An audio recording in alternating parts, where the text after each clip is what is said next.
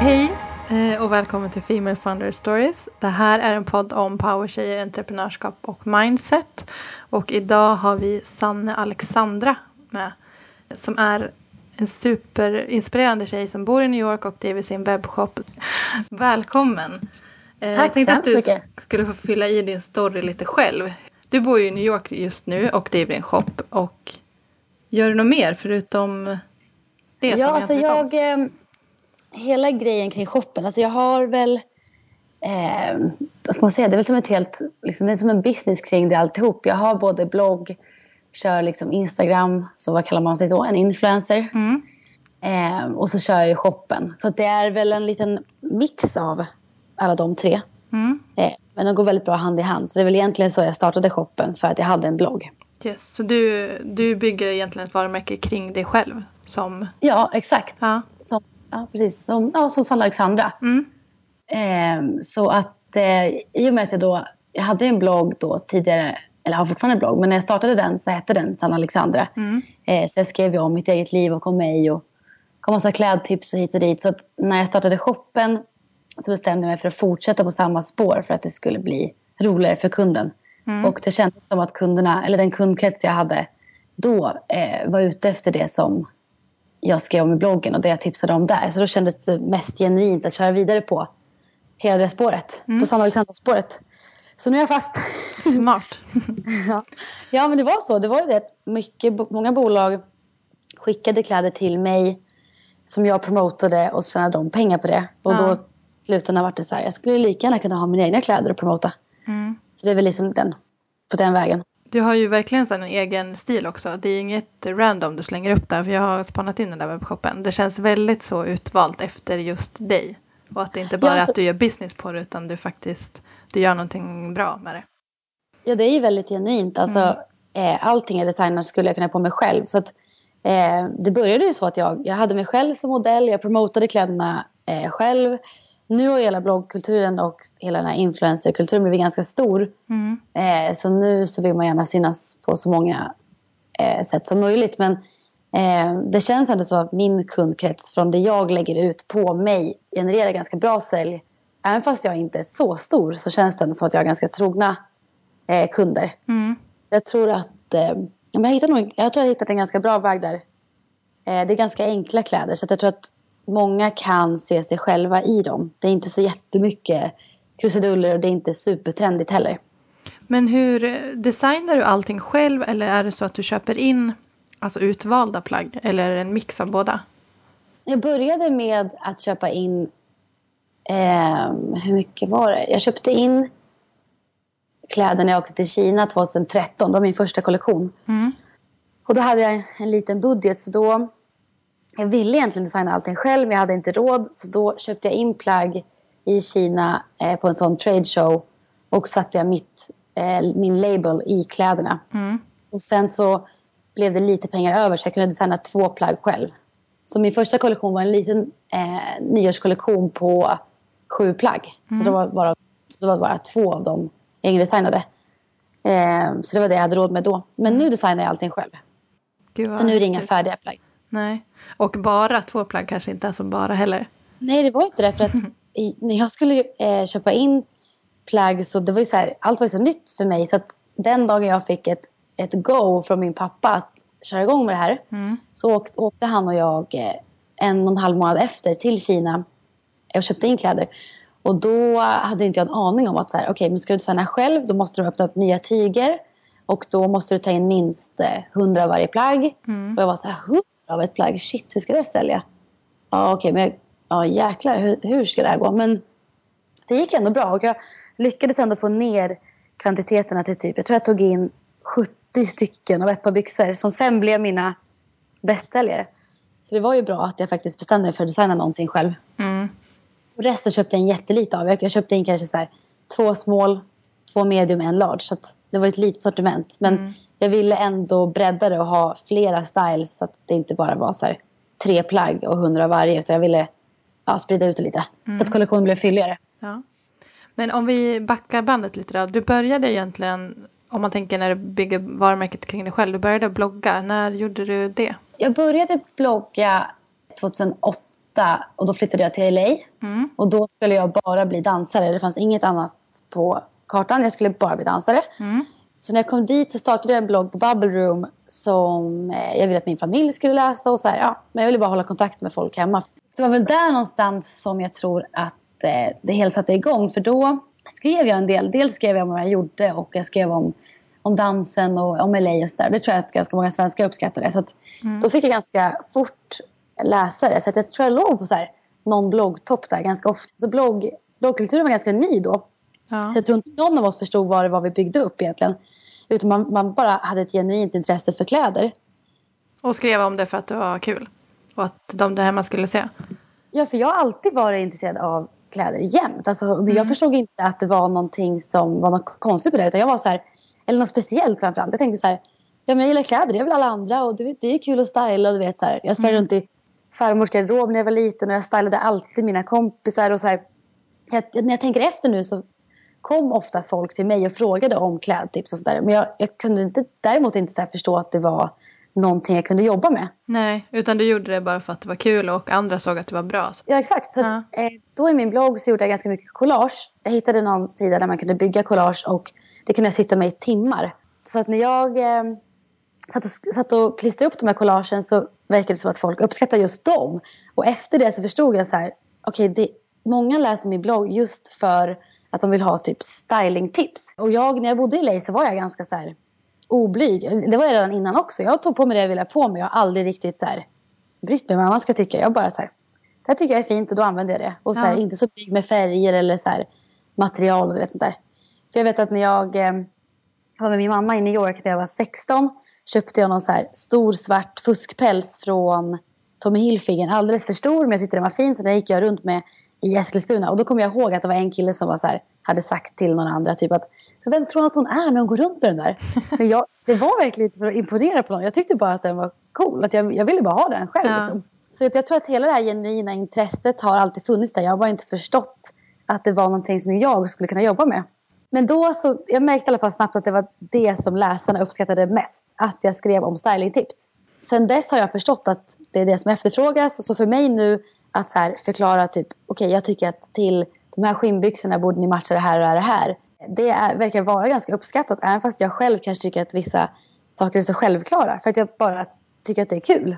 Mm. Men för dig så faller det sig naturligt. Du har den känslan. Men... Och så tycker man att det är ju inget speciellt alls. Fast för någon som absolut inte kan se vad som passar ihop så är det där grymt.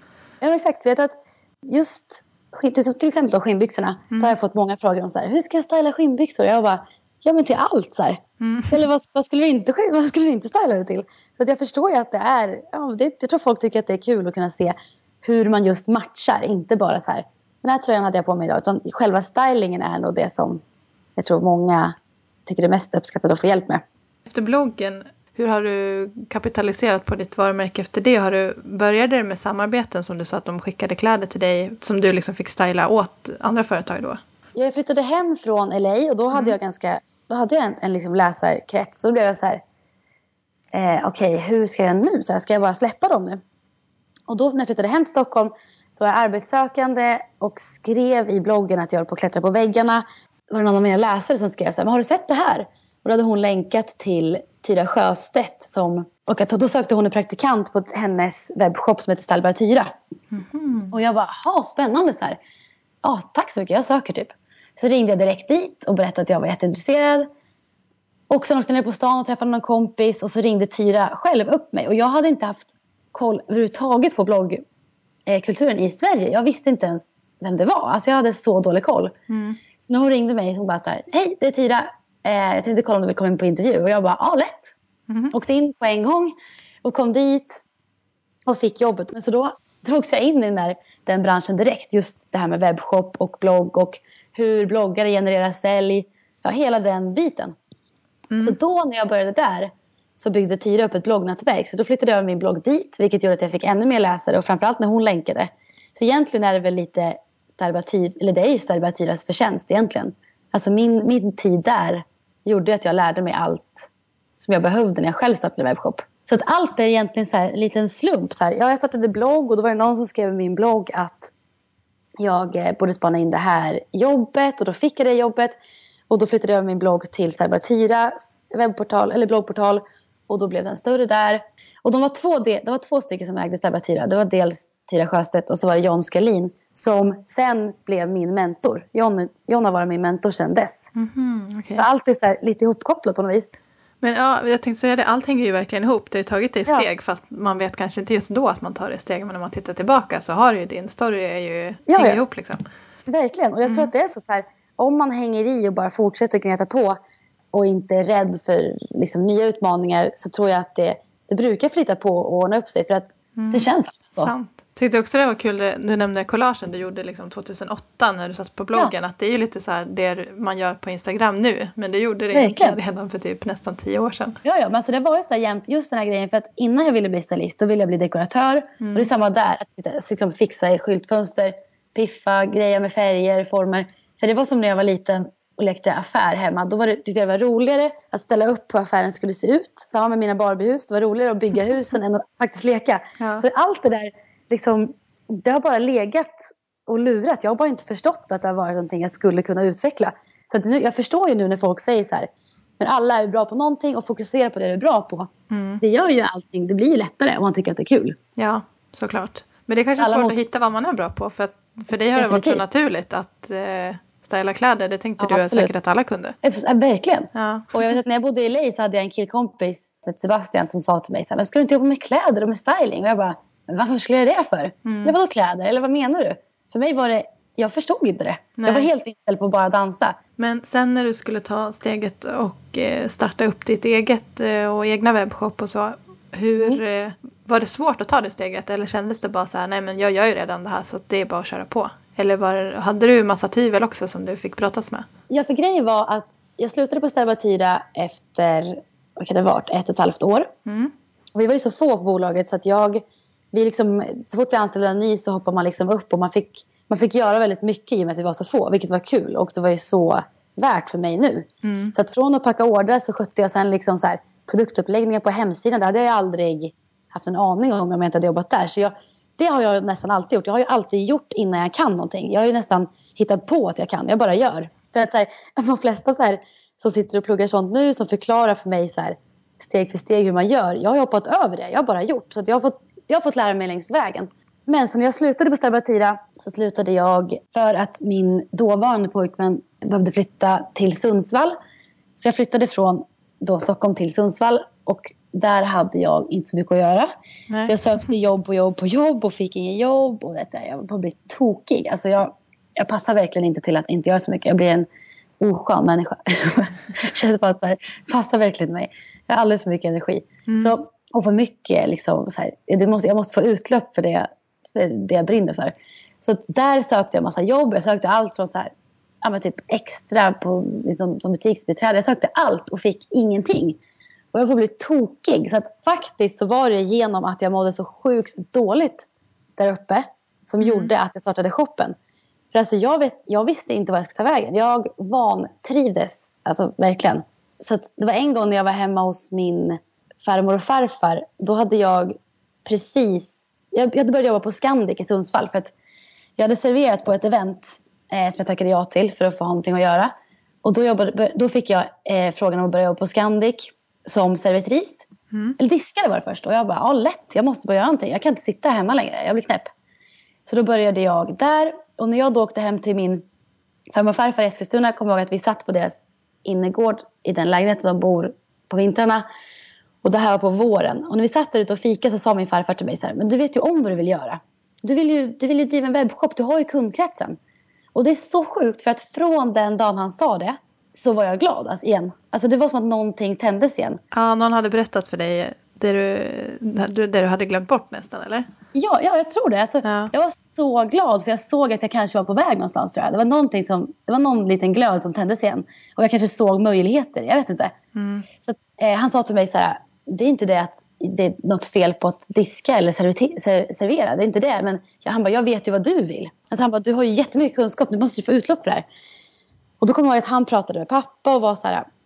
Vi, måste, liksom, vi, borde, vi borde verkligen så här, stöttas han i det här. Och, eh, någon måste hjälpa henne med ett startkapital. Hon måste ju så här, hon måste regga ett bolag och ett aktiebolag var då tanken. Mm. Och liksom, hur gör vi nu? Så jag pratade med pappa fram och tillbaka om det här. Så att jag vill så gärna starta en webbshop. Och jag kan göra, alltså jag, jag gör allt som krävs. Jag packar allt, jag, jag sköter allt själv. Och han var så här, ja men vi får prata om det typ. Så vet jag att sen satt jag i Uppsala hos samma killkompis som sa åt mig att jag borde styla. Satt hemma I hos Los honom. Angeles? Ja, Ja. satt hemma hos honom i Uppsala. Ja. Det är jätterandom. På hans säng och då ringer pappa och säger så här, du vet vad, vi kör. Och då är det oktober. Vi säger då att min farfar sa till mig det här i kanske april, Ja. säger vi. Och det här är alltså oktober. Och då har jag gått hela sommaren. Jag har jobbat på Scandic, jag har krigat på, bara liksom kört. Men ändå så här haft någon slags liten glöd i att så här, det kanske ordnar upp sig nu. Så han ringde till mig och bara, vi kör. Då, var, då fick jag först kalla fötter och blev så här, vi kör. Shit, alltså om han nu ska hjälpa mig. Om han ska låna ut nu då 50 000 till mig som det kostar att starta ett aktiebolag. Hur blir det här nu då? Ska han låna ut det? Tänk om jag inte klarar det? Jag har varit rädd. Sen övergick det i, i energi. Så då ringde jag direkt. Det här är, nu kommer nästa konstiga grej. Då ringer jag direkt till då John som var min ena chef på Servatyra. Som, bo, som då, här och nu, bor i Guangzhou i Kina. Som är liksom det är, liksom det, det är, lätt, det är väldigt så här känd eh, stad att köpa in kläder på. Okej, och mycket ja. En sån handelsstad. Visste du att han Så- bodde där då eller kände du bara Ja, jag- jag jag måste visste- bolla med någon som kan? Nej, jag visste att han bodde där för att Ja. vi hade haft lite kontakt. Men vi hade inte pratat om det här. Men vi hade ändå kontakt. Så jag ringde honom och bara, jag kommer köra, kan du vara min mentor? Jag behöver hjälp. Och ja. han bara, lätt vi kör. Så där började allt egentligen. Så att när jag väl fick startskottet. Ja, först fick jag lite kalla fötter. Men sen var jag, alltså jag var så peppad. Jag såg liksom svart. Jag vet inte, eller svart kanske man kanske inte stod. Men jag såg bara det här hända. Jag var så sjukt taggad. Alltså jag tyckte bara att min, mitt liv fick en helt ny mening. Jag liksom bokade biljett med pappa. La upp en plan för hur jag skulle göra. Det var ju allt från att ja, regga aktiebolag. Jag bestämde mig för att köpa in kläder ja, för de här 50 000 som man då lägger in till aktiekapital. De kunde jag använda som, som inköpspengar. Yes. Bok, bokade resa med min pappa till Kina. Jag då till John där han var. John visade mig runt på marknader. Vi reggade en hemsida. Vi reggade en, eh, en kort, eh, betallösning. Och vi reggade liksom allt som jag behövde. Eh, och sen då så köpte jag hem allting som jag ville köpa hem när jag var där. Jag bestämde mig för att köra en, en liten nyårskollektion för det kändes aktuellt i Sverige. Och sen då i och med att jag var, hade bloggat ganska länge så kände jag en del bloggerskor. Så då kände jag så här, shit, asbra, jag kan skicka kläder till dem. Och jag kan promota det här i bloggen. Och så ringde jag en kompis som eh, jobbade på Harrys då i Eskilstuna. Man tar, tar ju vad man har direkt. Yes. Och bara, jag vill ha, jag vill ha en releasefest. Så pappas kompis hjälpte mig att trycka upp så här stora typ planscher till den här. Och jag hade rabattkoder och jag visade upp kläderna på plats. Och det är så här, jag, bara, jag bara roddade allt på en gång som jag bara kunde tänka mig skulle kunna generera bra sälj. Och sen var det igång. Så från att jag eh, åkte till Kina tills att jag lanserade den 8 december. Jag hade ju tänkt att lansera mycket tidigare men det blev inte så. Det var så mycket Men du strul. åkte till Kina i oktober? Ja exakt. Det Och är då ju tog det typ... extremt kort tid för kläderna ska ju det är skickas till Sverige också. kort. Ja, Ja. Så och sen liksom hade jag valt ut så här, jag tänkte så här, jag tog in sju, sex klänningar och en topp. I alla fall, jag tog också in en, en liten svart jacka med lite glitter på man skulle kunna ha, eh, för det är oftast ganska kallt när det är nyår i Sverige. Mm. Den kom hem i vitt och jag bröt ihop. Alltså jag tror jag aldrig varit så stressad. Nu i efterhand är det så här, det är ingen som visste om att jag skulle ha en svart liksom. Nej. Nog för att jag hade plåtat den, men jag fick ju bara plåta om. Så att alltså, det var ju så här, jag, jag bara hittade på sen och så här, nej men den skulle vara vit. Det är assnyggt med vitt på vintern. Och så fick det bli så, den sålde ju. Så, så jag fick ju bara spela med. Men jag kommer ihåg att jag var ju så stressad då, så när jag öppnade här, den här kartongen på mina föräldrars jobb där jag skickade allting och den var i vitt, då tror jag jag skulle få ett psykbryt. Men det funkar. Så grejen är att man ska låtsas att man har full koll hela tiden. Ja, ja, alltså jag... Gud ja. Det är samma där. Så här. Jag svarade på alla kunders mejl. Jag packade alla ordrar, skötte alla returer. Gick till posten med allt. Jag skötte ju allt. Så att, vet, ibland när folk mejlade så här. Hej, jag undrar om ni... Och jag så här, om du bara visste att det bara var jag. Eh, så jag lanserade då 8 december. Då när jag lanserade hade jag tryckt ut det så hårt. Alltså jag verkligen pushade så hårt på nätet. För att så här, om några timmar släpps det. Så sidan kraschar ju.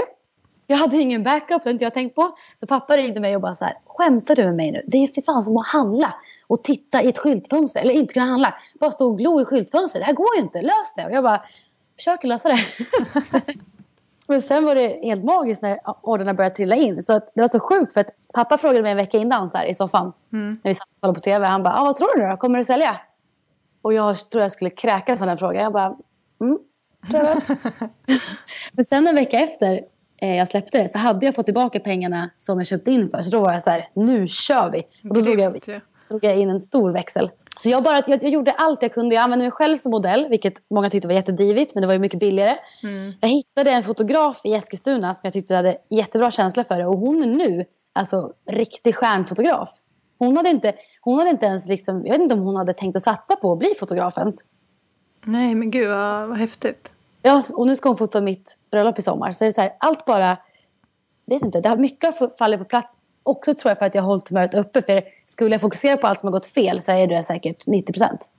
ja men det här är ju alltså superintressant för det känns som det har kommit ett hinder på vägen men då har inte du stannat utan då har du hoppat över det bara. Men hur har du liksom ja klarat av att motivera dig själv hela tiden? Jag tror att det är för att jag tycker att det är så kul. Och sen också så här, det är mitt ansikte som syns utåt. Gör mm. inte jag det här så gör ingen annan åt mig. Nej. Så jag har behövt liksom jobba konstant. Så att det slutade ju, eller så slutade med, jag håller fortfarande på, men det, jag kom till en punkt där jag, för jag jobbade extra på Scandic samtidigt för att få in pengar. Mm. Så jag jobbade på Scandic då i Sundsvall till klockan, typ, vi säger att jag slutade, jobbade jag kväll så slutade jag kanske vid ett. Och så jobbade jag när jag vaknade på morgonen. Tills jag började klockan fem. Och jobbade jag frukost så började jag vid kanske fem. Mm. Så jag försökte liksom kombinera det. Då innan, då mellan liksom sju på morgonen eller sex till två. Då fick jag ju packa orderna och styra allt inför julhandeln. Så det var ju tider där det var så här. Jag kan inte göra allt själv snart. Jag går inte. Jag har ju tagit hjälp. Så här, mamma hjälpt mig packa order och så här. Det här med att spåra paket har ju tagit en evighet. Och det, det har varit jättemycket som har varit svårt. Men Samtidigt så var jag beredd på att så här, första åren lär väl bli astuffa. För det är ju bara jag. Och jag har ja. inte råd att anställa någon. Och jag vill inte ta ut lön själv för det ska gå till nya inköp. Så jag tror att jag också ganska fort märkte att så här, det blir inte som jag tänkt mig. Och pappa är egen företagare och sa till mig att han bara, det är nya saker varenda vecka som måste lösas. Det bara är så. Man måste mm. bara acceptera det. Och att det liksom hör till. Alltså jag, tror att, jag brukar ofta tänka så här i det perspektivet som att jag skulle skriva en bok någon dag. Varför mm. jag nu tänker det är så konstigt. Men det är klart du ska jag, skriva en bok. Jag, jag, har tänkt det så länge. Så jag är så här, det här blir mycket bättre i boken om det har gått riktigt illa här. Så ofta försöker jag så här, det kommer ju bli roligare att berätta om det här en dag när det gick asdåligt än att så här, det gick så bra allting. Ja, Inga exakt. problem. Allting, du, du lanserade sajten, allting gick superbra, ingenting var jobbigt. Nej, inget strulade. det är jättelätt, Nej, allting. Nej, alltså jag, har haft så mycket, jag har haft så mycket som varit struligt så det är inte sant. För, också för att jag inte har haft all kunskap jämt heller. Alltså det har varit svårt. Jag blir ganska inspirerad kring det här att du säger att folk har tyckt saker. Till, som, vem tror hon att hon är som har sig själv som modell och varför har hon den där pälsjackan? Alltså hur har du kunnat stänga av sånt? För det hade ju egentligen kunnat fått dig att bara, aha, nej men då kanske inte jag ska vara så här. Eller då kanske jag inte ska göra så här. Alltså jag tror att dels så när jag var yngre än, alltså innan jag åkte till LA mm. så var jag, jag gör det, det jag vill göra. Jag var ganska så här, trygg i det. Jag tror att jag alltid haft väldigt bra självförtroende. Kanske lite sämre självkänsla i perioder. Men självförtroende har alltid varit så här ja men gud jag kan, jag kör. Mm. Helt orädd. Vet inte om det kan ha att göra med att jag, jag är dels stora syster, jag är fyra och ett halvt år äldre än min syster. Att jag kanske tyckte att jag var stor tidigt. Jag vet inte. Alltså jag tyckte inte att det var något. Jag tyckte liksom att det jag gjorde var, var rätt. Jag, var inte, jag funderade inte så mycket. Nej. Jag vet att så här, jag vet inte om jag kanske gillar det här som kittlar lite. Att det är lite läskigt. Och kastar dig ut lite grann. Ja, jag, tyckte, alltså, jag tror att jag är lite så här små äventyrlig ibland. För jag, jag, så här, jag har ju något behov av att göra sånt som jag tycker är lite läskigt. Hela tiden. Alltså det är så här, jag bara, jag ska börja där. Och folk var så här, okej okay, men känner du någon? Jag bara, nej. Ja. Men grejen är att det löser sig. Jag tror att det har jag fått av mina föräldrar. Och mamma är så här superoptimist. Pappa också. Så här, det ordnar sig ju. Vad är det värsta som ska hända? Mm. Åk väl hem då. Liksom. Eller trivs jag inte i skolan så, så... Men alltså, jag tror att mycket, mycket har ju med ens tankesätt att göra. Om man inte tillåter sig om man inte tillåter sig att liksom tycka att det känns jobbigt då är det inte så jobbigt heller. Alltså Nej. man klarar det. Och man utvecklas. Så jag tror att just eftersom att jag har, jag tror 100% att eftersom att jag har följt mina egna drömmar så är jag nöjd själv. Och är man nöjd själv då spelar det inte så mycket roll, det spelar inte så stor roll vad andra tycker. Nej, exakt. jag vet att då, i de perioder när jag inte har varit så nöjd med det jag gör, då, känns, då är det känsligare när folk tycker och tänker. Men annars, eftersom att jag gör det jag själv vill göra och det jag drömmer om, eftersom jag också har haft den liksom, möjligheten. Alltså nu när jag är född i ett sånt bra land och så här, haft föräldrar som har peppat mig. Så det är så här, ja om någon tycker något så tyck det då. För man kan ju inte leva, man kan ju aldrig ha alla nöjda. Nej, precis. Och om jag ska göra andra nöjda då kommer jag ingen nöjd till slut säkert. Det är bättre att göra mig själv nöjd liksom. Nej, jag tänkte just det så här. Tror, tror du att andra människor kan bli stressade av att du har tagit dig så himla långt? Och gjort så mycket? Jag vet inte. Alltså, jag försöker alltid så här. Alltså jag blir genuin, genuint glad när all, andra liksom gör saker som de vill göra. Ja. Så redan i min blogg när, då, när jag bodde i LA, då var jag så här, jag förespråkade så mycket så här, Gör det du vill göra, stick liksom. Bara kör. Om du vill resa, res. Men res inte om, det bara, om du liksom vill resa bara för att andra reser. Alltså, Nej, gör det precis. du själv vill göra. För att om man lyssnar inåt då vet man oftast vad man vill göra. Så om du vill bo kvar där du bor och skaffa familj, då är det det du ska göra. För då blir ju du glad och kommer bli en bättre människa. Så att jag, jag, jag, får, jag får jättemycket mejl och sånt. Jag fick mycket kommentarer när jag var yngre om så här, Gud, tycker du jag ska åka? Och hur gjorde du? Och det, så här, jag bara, men kör! Alltså, vad är det du väntar på? Du vill, du vill inte ångra att du inte åkte. Så att, alltså, för mig, jag vet inte. Jag, jag, jag känner mer att jag, att jag är så glad över att jag kanske kan inspirera vissa. Kanske kan få vissa att faktiskt få liksom, lite självförtroende att göra det. Mm, jag, har må, absolut. jag har många jag pushar på. Alltså, hur många som helst. Jag kan liksom nästan se det som ett projekt ibland när jag har någon kompis som behöver pepp. Jag bara säger, nej men nu gör du det här. Ge Mm. dig. Och samma med min lilla syster innan hon hade hittat det hon tyckte var kul. Då har jag liksom, alltså vi har verkligen varit osams över att jag har liksom så här, men till min syster så här, det finns någonting för dig som du kommer tycka är genuint kul. Som kommer ge dig liksom så här riktiga lyckokänslor, jag lovar. Mm. Ge inte än liksom. Och nu är hon hur glad som helst. Så att jag tror man bara, man måste bara våga för att alltså, vi alla är ju människor och alla lika mycket, många timmar på dygnet. Och jag förstår att vi har olika förutsättningar och jag är jätteglad att till exempel då min pappa kunde låna ut pengar till mig. Men det finns sätt att alltså, göra saker på som man drömmer om. Det gör verkligen det. Absolut. Man, man hittar dem. Och det var ju inte som, som du säger, du var ju ändå tvungen att jobba i princip dygnet runt för att dra in din egen lön på ett annat jobb bara för att ha råd att kunna starta webbshoppen. Så att även, Ja. det var ju inte så himla lätt bara för att du hade aktiekapitalet heller. Verkligen inte. Och jag hade lika gärna kunnat, jag kanske hade kunnat låna de pengarna liksom, av banken annars. Som du sa, så här, med att folk tycker och tänker. Jag vet att vissa kanske, så här, har jag fått höra i alla fall, så här, ja men hon har fått hjälp av sin pappa. Ja, jo, han hjälpte mig att låna ut pengar. Men alltså, han, han hjälper mig med vissa businessbitar när jag verkligen behöver hjälp med kontrakt eller ekonomiskt, så här, alltså just rådgivning. Mm. Men annars så sköter jag har ju skött allt själv. Det liksom, han har ingenting med det att göra. Nej exakt, jag har ju, nu vet inte jag vem din pappa är men jag kan ju tänka mig att det kanske inte är han som är bäst i familjen på att styla kläder heller. Nej, vänta, vi kan ta ett exempel. jag måste ge honom det här. Alltså, vi var ju i Kina och skulle köpa in kläder och det skulle ju vara en nyårskollektion. Och jag då skulle köpa in klänningar och var så här, jag borde ha någonting, typ någon liten jacka, eller så någon slags jacka. Ja, det var den där som blev vit, som skulle vara svart. Mm. Och då var han så här, Sanne, jag vet hur det, hur det brukar vara där kring nyår. Jag tycker att du borde satsa på en liten sjal man lägger på axlarna. För det är det som kvinnor vill ha. Och jag bara, vad, är du säker på det? För jag tror att det är bättre om jag sköter. alltså, så nu, jag brukar skoja med honom ibland om den lilla sjalen man lägger. För det är säkert fint på 50 plus, men jag vet inte. Nej. ja, Som sagt, exakt. man ska, göra- man ska göra det man är bra på. Och han är bra på att sälja, så det kan han göra. Men vad, vad tror du dina drivkrafter kommer ifrån? Vi har ju i och för sig varit inne på det här ganska mycket. Alltså är det din uppväxt och att dina föräldrar har varit likadana, att de har format dig och att du är Ja. stora syster eller tror du att det är något annat som, som får Alltså dig att hålla tror på? att, jag tror ju att det är det här att... Eh, jag frågade en, min bästa tjejkompis för ett tag sedan så här, men vad, för jag, det var någon intervju jag gjorde där jag skulle så här, svara på någonting om vad jag tycker att livet går ut på, typ. Mm. Eller, eh, ja, och då, då var hon så här, ja men du vill ju alltid, alltid utvecklas hela tiden. Både som person och i det du gör och liksom, ja men i allt. Så jag tror att någonstans så är jag ju, alltså jag, dels tycker jag att, jag tycker att livet är sjukt kul. Så jag är oftast väldigt peppad. Jag tycker att det mesta är jätteroligt. Mm. Alltså, nästan irriterande roligt. Så då kan jag så här, när jag, när jag har någonting som låter kul, då blir jag peppad direkt och, och vill köra och är lite så här orädd. Så det, är någon, det har någonting också att göra med att jag vill utvecklas, jag vill framåt. Jag springer alltid liksom, det är någonting det här med att jag vill prova på nytt. Det är samma som med mig, med liksom mig själv. Så här, jag kan sitta och analysera så här, gud när jag sa så till den, tyckte den att jag lät dum då? Det, nej det kanske inte gjort då. Alltså, jag så här, försöker hela tiden bli bättre på allt jag gör. Så jag tror att det är någonstans, och vad det kommer ifrån, jag vet det kanske är någon slags, jag vet inte om det är något bekräftelsebehov. För att dels borde det vara det eftersom att jag har liksom velat gjort det här offentligt. Men också så här, jag tycker att det är så genuint kul. Det är samma som med dansen. Jag dansade ju inte för att visa upp mig på scen utan det var ju någonting som blev i följd av att man dansade. Ja. Samma som nu. Jag tycker att det är så roligt. Jag tycker det är så sjukt kul att få kontakt med mina läsare. Och jag tycker det är så kul design. Så att, och då vill jag ju se dem i kläderna. Så att liksom allting blir en liten följd dag. Så jag, jag, gör det verkligen inte bara för att jag vill synas och liksom jag vet inte, det är som min Instagram ibland. Jag, ibland är jag så trött. Jag vill inte ens se en till bild mig själv. Jag är så trött på mitt utseende. På mig själv ibland.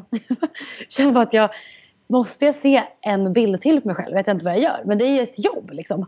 Det är ju en business. Så att, det är inte så att jag bara, åh jag tycker att jag är snyggast på jorden. Nu ska vi lägga upp lite bilder. Utan det är absolut inte så. Det är ju någonting jag tycker är roligt, hela den här grejen. Det jag tror att, det, för att svara på din fråga, för nu svävar jag iväg som vanligt. Det är väl det här någonstans att utvecklas hela tiden. Ja. Det är så, jag, jag har ju hoppat på jobb som jag inte kan. Som när jag liksom började DJa med en tjejkompis för två år sedan. Då var det så här, ja ni ska på DJ-turné, har ni DJ förut? Nej. Nej men kommer ni klara det här? Ja. Så övade vi dagen innan på Story Hotel där det var folk innan vi dagen efter klev på och körde. Och vi hade aldrig gjort det förut. Hur nervös var du då? Eller kände du bara så nej men jag kör bara? Nej, jag tyckte bara vi skulle köra. Jag tänkte hur fel kan det bli? Så här. Ja, gud vad peppigt. Men, alltså, tänker att, hur fel kan det bli? Säger då att musiken stannar. Ja, ja, då sätter vi på den igen då. Ja. Exakt. Det är inte hela världen. Men jag tänker så här, på Instagram och så, där det också är superstor. liksom. Har du en strategi för hur Instagram, eller känner du också att du ibland kan vara privat? Att du lägger upp en bild för att du vill att din syrra ska se den eller något sånt? Ja, så jag har gjort en privat också för att Jakob, Mm. min fästmanskompis, tyckte jag var så jobbig på Instagram. För jag postar så mycket. Så nu har jag gjort två. så nu så tänker jag så här, att de som vill följa mig där jag inte lägger upp så mycket, det är kanske vanliga Sanne. De kan följa mig privata. Och min andra, Alexandra, det är ju mer business. Där lägger jag upp sjukt mycket. Men det är samma där. Så här, ja, jag har en strategi kring det nu. För att det har blivit ett jobb. Men alltså, du vet, ett tag när jag tycker att saker är kul bara så bara slänger jag upp. Så jag har ju fått så här sms av min syster och hon bara, vad har du lagt upp? Men vadå? Så här, Hon bara, du har ju ingen känsla. Hon är jätteduktig på att ta bilder och jag kanske inte är svinduktig på att ta bilder. Jag tror att jag tycker det är roligare att vara framför kameran kanske. Eller något sånt där. För att, jag vet inte, just där, det här med att ta bilder som ska vara fina. Jag försöker ju, men jag, jag är inte alltid alla rätt kan jag säga. Och jag tror att många är jättepetiga med sitt flöde. Ja. Så jag har även min, tjejkompis Sherare som Instagram-bloggare. Hon är så här, Sanna du måste skärpa till dig nu liksom.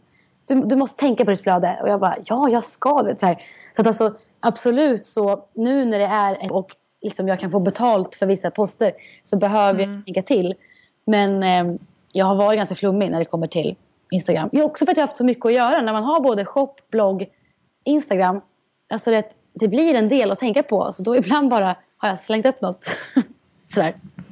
Vilket Ja. jag tror, jag tror ibland att det är bra. För jag delar med mig lite också av så här, lite på vad jag gör också. För att jag vill inte att, jag vill inte att flöde som ser ut som att det är en tidning. Nej, exakt. Ja. Och det var det jag kände med din shop också. Att den blir, den blir som att man faktiskt handlar av dig. Att man vet att du har valt ut de här kläderna. Det är inget så här superstort företag där tre olika inköpare sitter och köper lite snygga grejer. Exakt. Utan det känns ju oerhört Ja, man, utvalt. ja, man får liksom en kontakt med den personen. Man har ett ansikte på den man köper av. Nu är ju internet, alltså nu är väl liksom online shopping inte, nu, nu är det väldigt vanligt. Men när alla började handla online så var man lite, många ganska skeptiska. Man angav sitt liksom, eh, kortnummer hit och dit. Så där. Men nu, så här, jag tror att det är allt, känns alltid safe att handla om någon som man har sett ansikte på. Jag tror att rent psykologiskt så är det någonting så här, man känner ett litet band. Det känns mer personligt. Ja, exakt. Och sen blir det typ en annan shoppingupplevelse på något sätt. Ja, exakt. Men jag är Men hur, hur valde du liksom att gå vidare med just det, att bygga på ditt personliga varumärke? Funderade du någon gång på att starta en shop med ett annat namn? Ja, så jag tänkte eh, att jag skulle ha ett annat namn ett tag. Men sen vart jag så här, alltså det förstörde hela min liksom, idé kring det. För jag vart så här, för när jag, när jag hade byggt upp bloggen eh, och mitt varumärke då kändes det så konstigt att, att byta namn. För jag ville att det skulle kopplas ihop. Så då kom jag ihåg att vi, jag dividerade lite med han, han då min mentor. För han var så här, det är svårare att sälja ett, ett märke när du har ditt namn. Men jag tyckte det kändes värt det ändå att köra på mitt. Och nu slog det mig, för nu när jag ska byta efternamn till Sanne Josefsson, då kanske Go- Google är helt blankt. Så då kan jag vara Sanne Josefsson ibland och så kan jag vara Sanne Ja. När jag jobbar. Ja, smart. Jag tänkte att Sanne Josefsson är mer en fru, lugn och pedant. Och Sanne Alexandra hon hoppar på det mesta, hon, hon kör. Ja.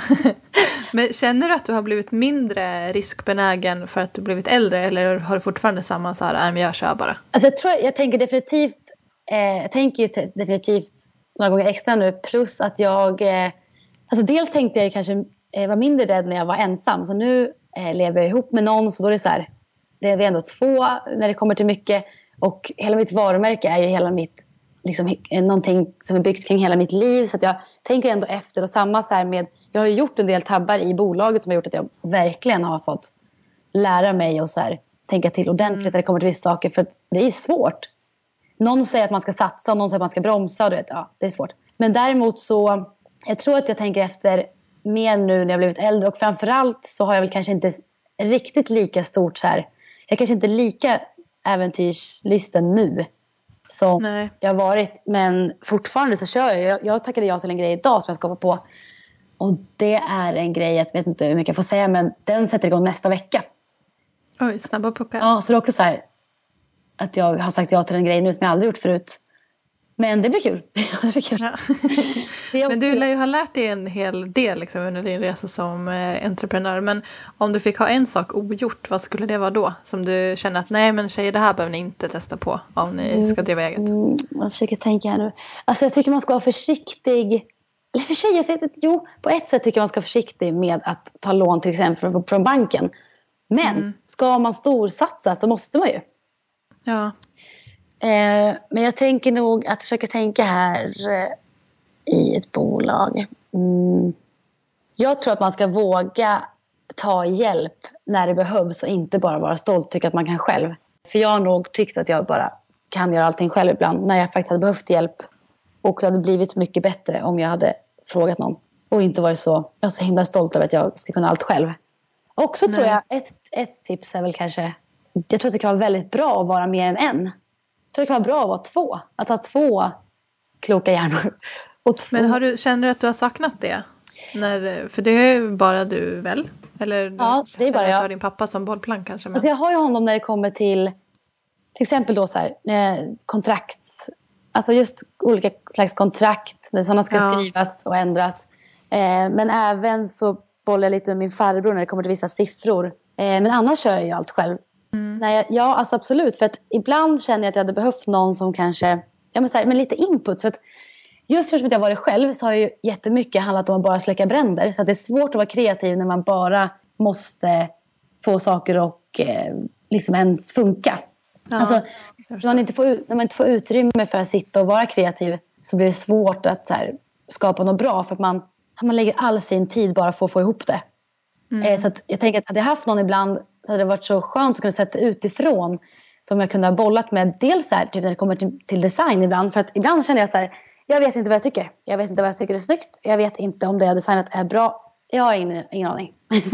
jag bara så här, nej. Ingen aning vad jag känner. Så då tror jag att det kan ha varit så här bra att vara fler. Men sen var jag på ett presskontor förra veckan där de sa så här att det är så värt att ta hjälp. För till exempel kan man ju starta så här små typ grupper med mm. kanske tio olika tjejer som alla, man bjuder på någon slags frukost så får alla tycka sitt om olika plagg. Och så, så, så när man får hem samples alltså. Innan, mm. man, innan, man, innan man har eh, producerat kläderna. Och så här, bara få alla ha sina inputs. Olika tjejer med olika, i olika åldrar och olika kroppsformer. För att det är så svårt att bara vara själv. Alltså man låser sig fast ganska ofta. Så jag tycker definitivt att man ska ta hjälp. Och jag, jag, tror absolut att det är bra att vara fler än en ibland. Två i alla fall. Men hur går den här designprocessen till? Släpper du minst två kollektioner per år antar jag? Ja, så, nej, jag, tidigare så när jag körde själv, då körde ja. jag ju, då släppte jag min första vintern 2013 så släppte jag tre kollektioner till 2014. Mm. 2015 mm. blev det ett glapp från det, ja, det blev ett glapp från januari till typ december. Där hade jag mitt värsta år. För att jag eh, flyttade till Stockholm och flyttade med mitt lager. Och jag skulle signa ett nytt kontrakt då med Naked, där jag ligger nu. Och förhandlingen mm. tog jättelång tid för att deras sida inte lanserades när den skulle. Så, där. så att jag köpte inte in någonting förrän jag skulle signa med dem. Vilket gjorde att det var ett jättestort glapp. Och det var, alltså, försäljningen sjönk ju stort. Såklart. Eh, ja. Så där var det svårt. Men sen så nu när jag signade med Naked 2015 släppte jag min första kollektion förra julen, alltså december 2015. Mm. Och då nu 2016, hela förra året, släppte jag typ 50 plagg. Eh, för att få upp ett stort sortiment. Så att, eh, nu kommer det någon vårgrej här snart. Så att, ja, vi, ska, vi får se här hur det... Jag är lite sugen nu på att börja sälja in till butiker och andra webbshoppar också. Att försöka expandera lite. Typ Ja, vad kul. köpa in mig på showrooms och sånt också. Försöka få ut det. Det vore kul. Men känner du att du börjar då i Sverige eller kör du igång i hela världen direkt? Jag tänker, du bor ju i New York. Ja, så jag att, tror nog jag skulle vilja signa upp kanske ett presskontor i Sverige och ett här. mm. Men jag måste kolla upp allting det här med hur det funkar för att jag får inte jobba i USA så jag jobbar ju från Sverige och betalar skatt i Sverige. Ja, precis. Så att jag ja. måste kolla upp allt sånt. Jag kom på en grej nu när du sa så här, ditt tips till eh, ja, folk ska starta någonting om vad Mm. man inte ska göra. Alltså om du som jag är kreativt lagd och inte så duktig på siffror och bokföring och sådär. Ta hjälp för att alltså, det kan köra upp så ordentligt. Det är väldigt svårt. Alltså jag är ingen klippa på bokföring och Nej.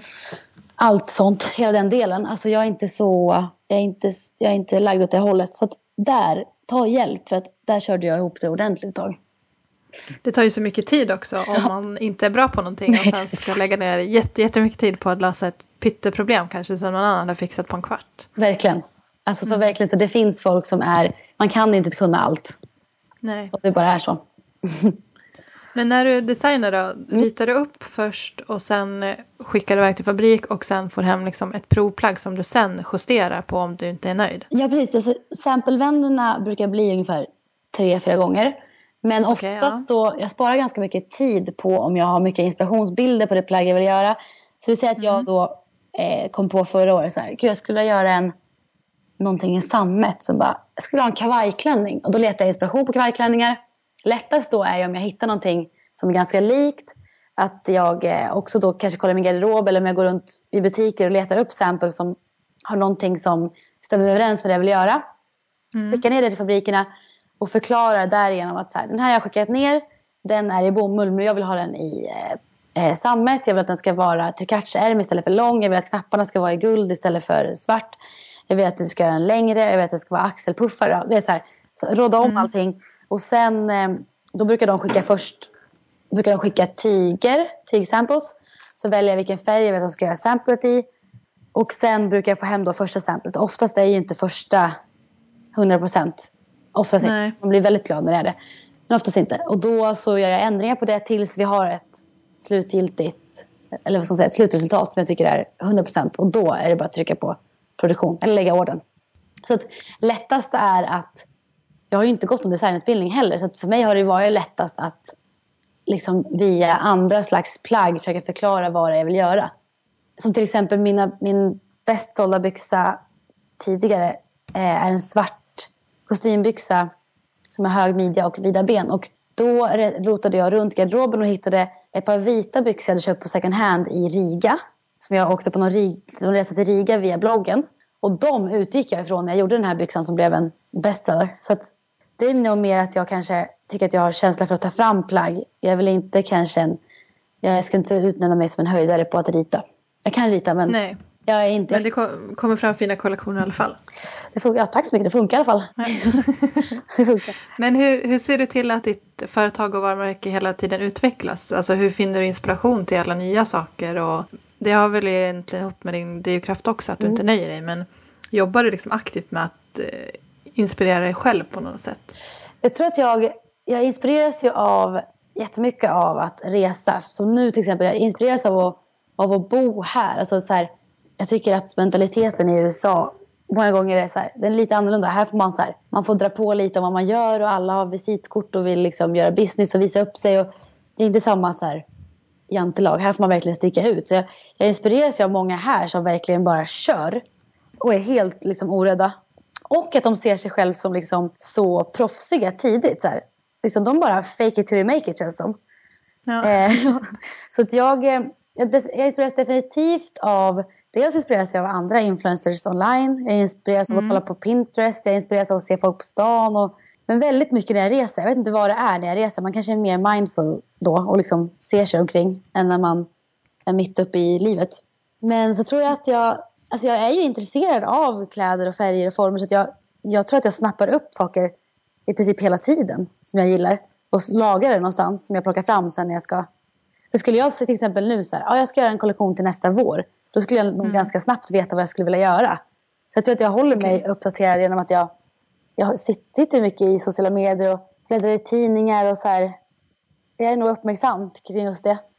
Ja, Och- det, det blir naturligt för dig. Jag tror det. Och så Ja. i mitt, eh, kring mitt hela varumärke så är jag så här, försöker alltid, alltså hela tiden utvecklas, försöker liksom steppa upp med mina bilder på Instagram, försöker utveckla bloggen ännu mer, försöker så här, fundera ut hur min framtid ska se ut som Alexandra. Om jag vill vrida det mer åt liksom en äldre målgrupp Mm. eller om jag vill vrida det mer åt hälsa. Du vet, så här, jag testade, testade fram lite och se vad som funkar. Men jag eh, eh, försöker också ligga i och skicka mycket pressutskick. Jag har en praktikant som sitter på Naked som skickar till tjejer över hela världen som har bra följare. Och så här, då ser jag också hur det genererar på min, på min shop. Jag ser ju så här, som idag var det så här, jättemycket ordrar från Nederländerna och det var någon från Polen, någon från Tyskland, massa olika. Så jag ser ju att det genererar och då förstår jag så här, gud nu sprids mitt varumärke för det är ju mitt namn så det, det är ihopkopplat. Eh, Men när du jobbar med pressutskick och så, mm. blir det mer typ att du skickar ut och uppmärksammar andra, ja, men framförallt influencers om att, eh, att du finns eller är det också mycket så sponsrat inlägg? Alltså jag, jag kör inte så mycket med sponsrade, alltså just att jag betalar dem. Men jag har jättemycket kompisar som tycker om min design, som är stora, som gärna bär det. Ja. Eh, så då blir det så här, då inspireras folk av både kläderna och då taggar de oftast min Instagram. För jag har valt att inte ha en Instagram för shoppen. Och då Nej. kommer man till min och då hittar man mig. Så det blir liksom en hel, man får hela paketet på en gång. Mm. Eh, så på min Instagram nu, jag kör ju mycket rabattkoder via mig själv på Instagram och jag ser ju hur det genererar. Och när jag ser då att de har använt min rabattkod som jag la på Instagram, då blir jag så här, men gud den här personen från, från typ Portugal, så här, hur kommer det sig att hon har använt min kod? Så här, det är så overkligt att, de, att det genererar sälj. Men kul. Mm. Men jag jobbar absolut aktivt hela tiden med mitt varumärke. Jag försöker ju ligga i hela tiden i både bloggen och Instagram och ja, har mycket mejlkontakt med olika så här, bolag och vad man kan göra, hitta på i framtiden. Det liksom sker saker ändå. Ligger i. Helt klart. Du ligger i? Ja, Helt klart. det är det som är tipset. Ja exakt, det ligger bara i. Nej men det är så. Men- Jag, jobbar, jag jobbar ju varje dag liksom, på något sätt med Mm. varumärket. Och alla människor jag träffar pratar jag ju med. Och pappa sa det till mig när jag startade där. Då var han så här. Tänk vad kul nu att efter alla dina år så här, Först i Västerås, sen var du i Leis, var i Sundsvall. Att alla du har träffat som du har blivit vän med och som du är bekant med och som, som gillar dig. De tycker att det är kul nu att du har det här varumärket och de vill gärna sprida vidare. De shoppar gärna. Så att alla jag träffar eh, alla jag träffar liksom blir ju viktiga på något vis. Alltså, det är viktigt att Ja, det är, det är jättekul att klicka med olika människor överlag. Och då blir det så här, det är en bonus då att när vi klickar så kanske de automatiskt gillar liksom hela konceptet Alexandra. Jag vet inte. ja. Men hur ser en vanlig dag ut för dig på jobbet? Om man, om man kan Ehm. säga så. Jag brukar gå upp typ vid eh, kanske halv åtta, åtta. Mm. Och så brukar jag göra två ägg. Alltid två scrambled eggs och kaffe.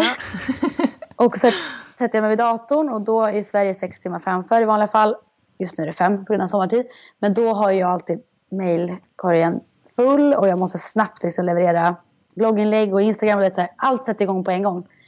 Så Du var brukar, väldigt snabb att svara på mail. Alltså vilken eh, eloge. Alltså. direkt, när jag vaknar så jag har telefon jämt. Och särskilt nu när det är snöstorm här, då, då är telefonen fastklistrad. Då får jag en Ja. chans att jobba hela dagen. Nej men så då så jobbar jag eh, eh, intensivt till typ halv tio. Så byter jag om, springer snabbt ner till en träningsklass som jag kör som ligger i det komplex jag bor i. Eh, så kör jag den eh, en timme och sen snabbt tillbaka, jobba mer, käka lunch, fortsätta jobba. Och det här med att jobba då, då är det väl så här. ehm, kanske då direkt börja tuscha lite bilder och fixa, slänger upp det inlägget. Eh, kanske lägga en rabattkod, prata med mina interns i Sverige. Eh, planerar fotograferingar för mig själv i veckan. Kollar upp vilka plagg som säljer bra, vs dåligt. Mm. Eh, sitter och har mejlkonversationer med folk i Sverige tills jag kommer hem. Kanske pratar med dem på Metro Mode som är min bloggportal. Något samarbete. Eh, vad gör jag? Jag kollar, kollar ofta alltså jag kollar andras bloggar också för att hänga med vad som händer. Jag måste ändå ha lite koll. Ja men mycket så research för, eh, Ja, precis. kring marknaden eller? Mm. Exakt och så här försöker hålla koll, eh, kollar på min Instagram om folk har taggat mig. Hur rabattkoderna har gått som de har fått. Ska, är det någon tjej man ska liksom, jobba mer ihop med? Mm. Eh, vad gör jag? Jag sitter och, alltså det är ju, dagarna hemma ser väl ganska lika ut när jag väl jobbar från datorn. Alltså, det blir ju mycket fram och tillbaka med mejl och det blir mycket att finnas där för praktikanter. Mm. Sitter i Sverige. Vi får ganska limiterad tid eftersom att eh, de går hem från jobbet sen när klockan bara är typ ja, 11 här, 12. Ja. Mm. Um, och så um, ofta fotar jag ju. Jag så, liksom, kollar runt i garderoben efter något som jag borde fota. Eller så har det kommit hem något paket kring något samarbete som ska fotas. Ibland får Jakob ställa upp och, och ibland... Eh, nu fotar jag varje fredag med en tjej som eh, fotar åt mig här nu när jag är i USA. Ja, det där har jag undrat för. Hur man eh, lyckas ha så mycket outfits på sig. ja, det är väl lite, det är lite riggat. Alltså, typ, om jag träffar henne en fredag kanske jag har med mig tre outfits. Två, tre. Ja. Och sen mm. annars har man väl kanske lite på lager. Om man, vi säger att jag fotade nu måndag, tisdag. Så lägger inte jag upp det förrän torsdagen. Och så kommer nästa på lördagen. Och så har jag några från när jag fotade med henne. Så man, man har lite på lager. Mm. Men sen för mig är det så här. Alltså, att när jag gör saker så blir, har jag material att blogga om. Och mm. min främsta inkomstkälla är ju bloggen. Hela, hela försäljningen kretsar kring, eller inte hela, absolut inte, men mycket av försäljningen och mycket av hela min business kretsar kring hur mina dagar ser ut, vad jag gör. Eh, så att även fast jag skulle vilja sitta vid datorn hela dagarna så funkar det inte heller. Jag tror att generellt då, kring bloggarna att så här, man kanske tänker att det inte är så mycket och jag tror att de som har bloggar som heltidsjobb de eh, måste ju leverera hela tiden. Alltså, liksom mm. jag, jag, alltså, gör jag ingenting på en hel dag, men vad ska jag blogga om? Då får jag blogga om något, jag får kanske slänga upp något collage då, men det tar också tid. Och, alltså, det tar tid att blogga. Men jag då som mm. kör shoppen också, där bloggen har blivit lidande många gånger för att jag har haft så mycket att göra med shoppen. Men nu när jag har båda, alltså, jag måste ju vara på tårna precis hela tiden för att alltså, levererar jag inte så dör det ut. Alltså, mm. Om jag inte löser det som ska göras kring Sanna Alexandra så gör ingen annan det. Och lägger inte jag upp bilder på Instagram då kommer jag inte få några fler följare och då blir det mindre köpare. Så jag tror att det är ett så nytt yrke så många tror jag inte riktigt har förstått att det är så mycket som det är. Och det låter säkert väldigt slappt men alltså man jagar ju till sig allting själv. Alltså allting du, allting du gör kommer ju, allting som du gör som är bra kommer generera att folk tycker att det är roligt att läsa din blogg. Så att alltså, mm. är du duktig, jag ska ta som exempel typ Janni Deler som började blogga, eh, det var inte så länge som hon började blogga. En kompis till mig, hon kom in och levererade svinbra bilder direkt. Och ta bra bilder, det tar ju inte bara en kvart. Och sen är efterarbetet så mycket, tar så mycket tid. Så jag tror att, jag tror att det kanske kommer bli skillnad om några år. När det har blivit kanske mer accepterat. Men Ja. Eh, jag förstår att många ser det som att man bara lever lyx för att liksom, det handlar mest om vad man gör. Men samtidigt så är det så här, man är ju typ aldrig ledig heller. Jakob kan ju bli så här, ska du bara ta den här söndagen ledig nu? Jag bara, nej jag måste göra det här och det här. Ja men du måste väl ledig någon dag? Och jag bara, nej men det, jag hinner inte, jag måste fixa det här. Nej. Jag slappnar ju inte av. Jag måste också analysera allt jag gör. Jag kan inte bara göra heller, jag måste se hur det har genererat. Och mm. eh, jag tänker som till, till sin bloggen, när du får ett samarbete med en stor kund eh, så måste du leverera den tiden, den dagen. Alltså det är som att en annons ska upp på tv eller i en tidning. Och kommer den inte upp då, då liksom får du typ hälften av arvodet. Alltså, det är ju mm. jätteviktigt att du, du sköter dig som, som dig själv och din blogg som ett företag. Liksom. Alltså, ja, eh, ska jag till exempel då göra ett samarbete med, vi på, med Telia då, säger vi. Och de mm. eh, vill ha så och så många poster och jag ska fakturera dem så så mycket då vill man leverera, någonting bra. Så du måste dels vara kreativ och du måste liksom fota bra och du ska retuschera bra och du ska ha en bra text. Och liksom, det är mycket att tänka på.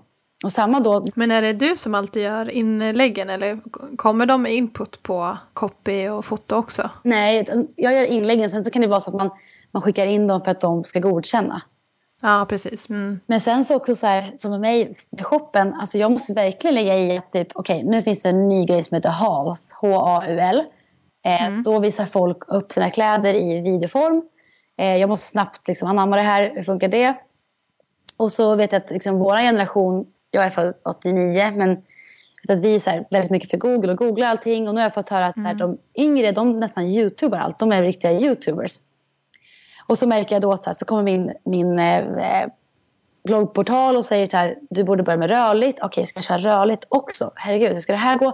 Och då ska du också lära dig klippa, alternativt anställa någon till det. Så det.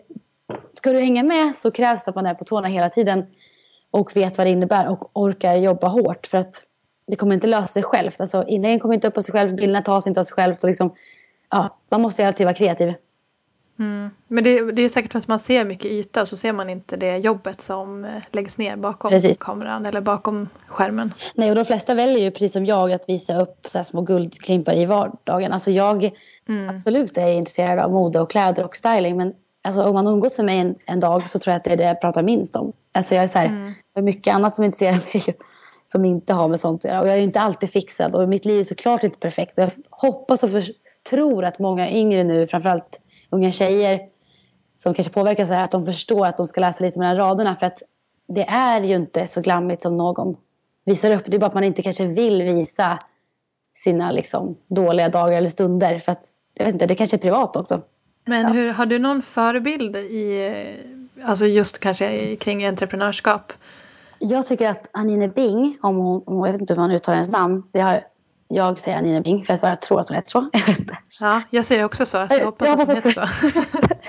hon, eh, inte, det är så lustigt för att när jag var typ kanske 13, 12 mm.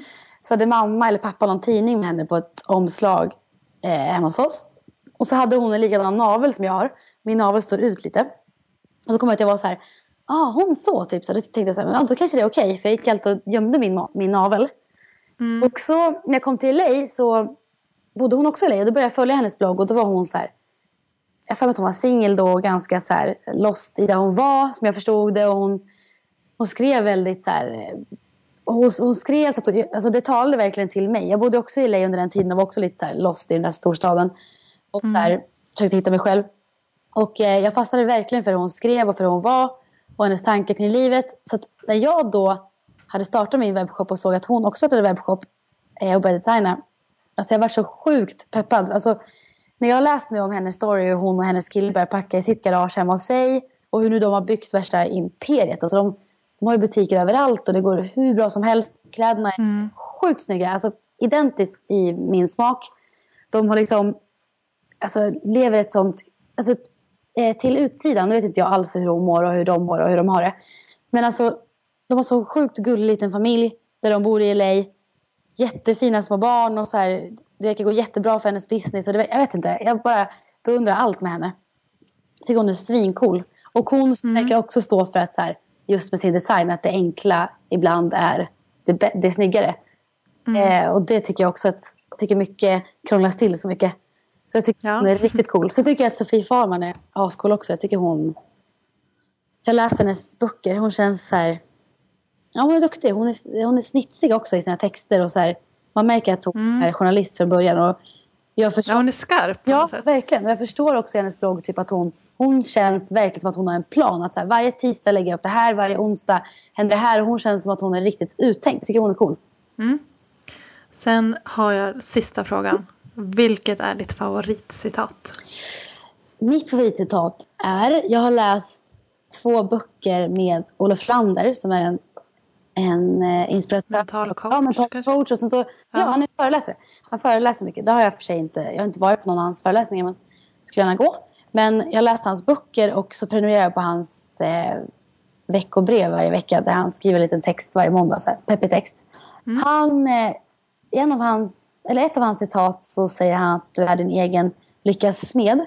Och det, kan mm. det kanske låter lite så här töntigt på något vis. För när jag själv säger det låter det lite töntigt. Men det är ju faktiskt sant. Alltså, man bara går runt och dräller och väntar på någonting ska hända så lär det ju inte hända. Så du måste liksom jaga det. Alltså, ja, du själv absolut. styr upp det du söker. Ingen kommer komma och hitta dig och bara Åh, där var du ju. Det är det vi väntar på. Du kanske ska bli skådis. Nej, du kanske får gå på 2000 auditions. Och liksom ehm, utgå därifrån. Du måste liksom mm. ta itu med dina egna drömmar. Det är ingen annan som kommer göra det åt dig. Så att det här med att man liksom, ja, bygger sin egen lycka, det känns, det känns väldigt rätt. Och det tror jag nog är mitt favoritcitat. Jag brukar säga ja. det. Mm. Så det var nog det, tycker jag. Tack så hemskt mycket för att du varit med i den här podden. Jag tror att du har inspirerat, eller jag är helt säker på att du kommer inspirera jättemånga som lyssnar på den här. Jag hoppas det. Tack så jättemycket själv. Mm. Kul att vara med.